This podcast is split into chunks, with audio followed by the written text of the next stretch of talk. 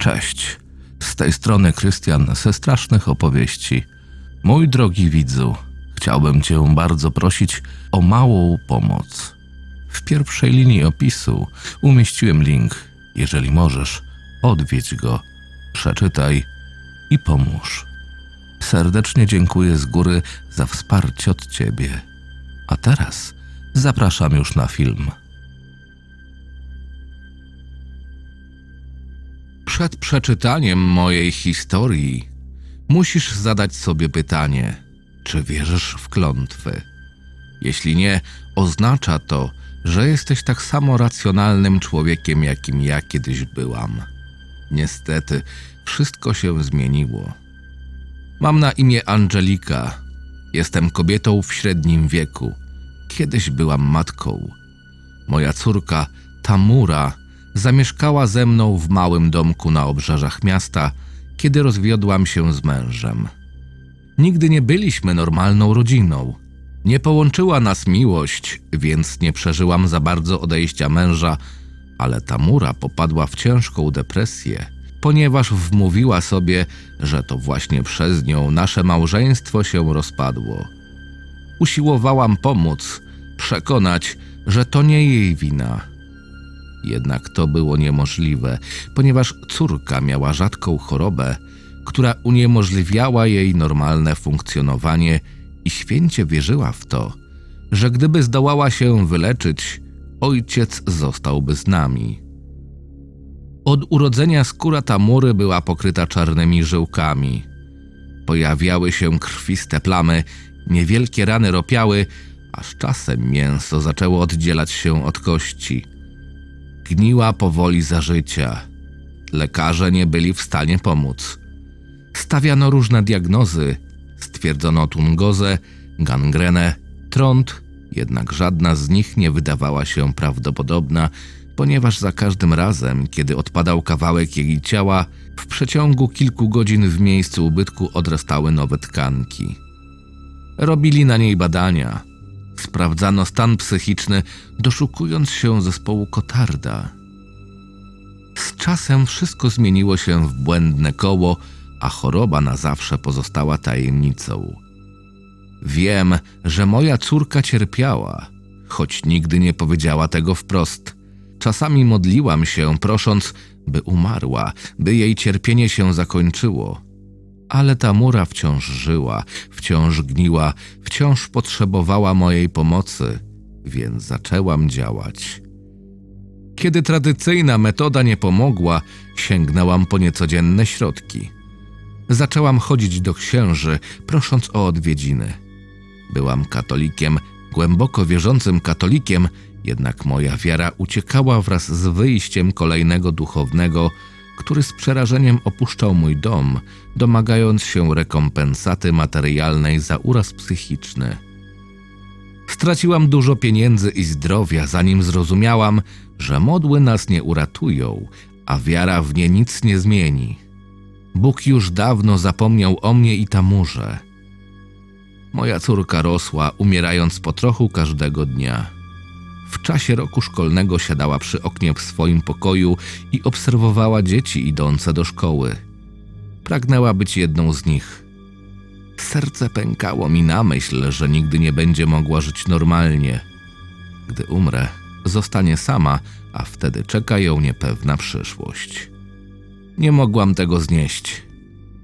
Pewnego dnia zadzwonił telefon, który dał nam nadzieję. Po odebraniu w słuchawce usłyszałam głos starej, dobrej przyjaciółki. Podała mi adres pewnej kobiety, która uchodziła za znachorkę. Przyznam, że byłam sceptycznie nastawiona. Nie chciałam wywlekać tamury z domu tylko po to, by usłyszeć od pseudolekarza, że nic nie może zrobić, ale mimo wszystko zgodziłam się. Następnego ranka podjechałyśmy pod starą, zapomnianą świątynię, przypominającą te, które widuje się w filmach azjatyckich. Budynek wyglądał na opuszczony, jednak po chwili z jego wnętrza wyłonił się mężczyzna w długiej szacie. Zaprosił nas do środka. Trwało lato. Tamura wysiadła z samochodu okryta w czarne sukno. W taką pogodę jej skóra ulegała szybszemu rozkładowi, więc nie powinna nawet wychodzić z domu. Powitała nas stara kobieta. Bardzo zdziwiło mnie to, jak się z nami obchodziła. Nie traktowała mojej córki jak potwora. Rozmawiała z nią, a nawet dotknęła jej dłoni w geście współczucia. Po kilku minutach rozmowy zaproponowała swoją pomoc. Oburzyłam się. Byłam pewna, że wykorzysta sytuację, odprawiając jakieś modły, a potem poprosi o kilka tysięcy. Kobieta spojrzała na mnie, mówiąc, że w zamian za próbę wyleczenia Tamury oczekuje jedynie mojej wdzięczności i pozytywnego myślenia. Nie miałyśmy więc nic do stracenia. Wszystko trwało pięć godzin. Siedziałam w oddzielnym pomieszczeniu i słuchałam szeptów dobiegających z pokoju obok. Nie wierzyłam w powodzenie tej metody, dopóki nie otworzyły się drzwi, a w nich stanęła piękna, złotowosa dziewczynka.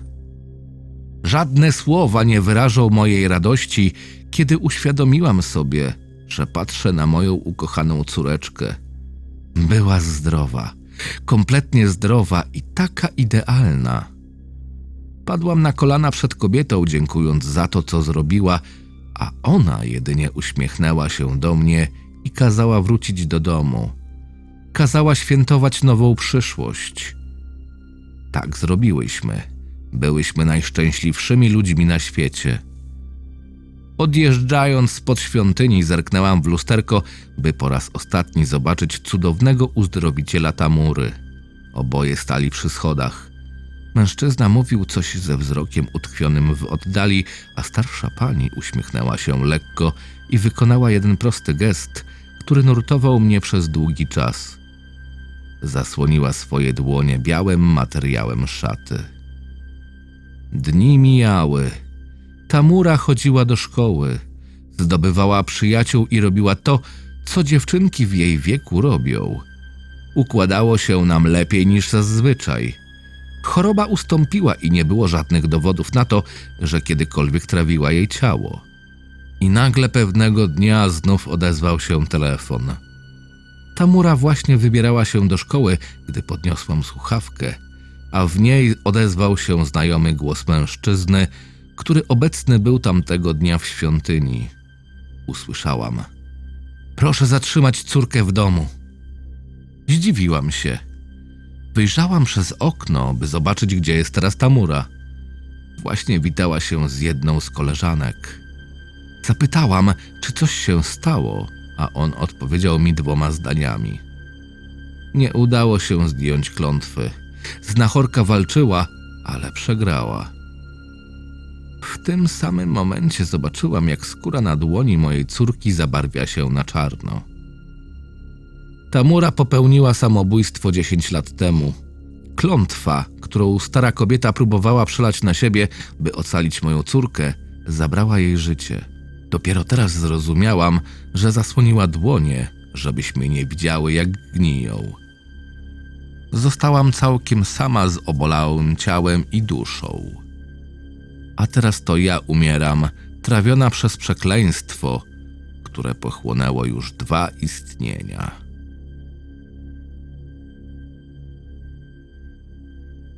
Scenariusz Kuro czytał Krystian Kieś. Zapraszam do subskrypcji mojego kanału.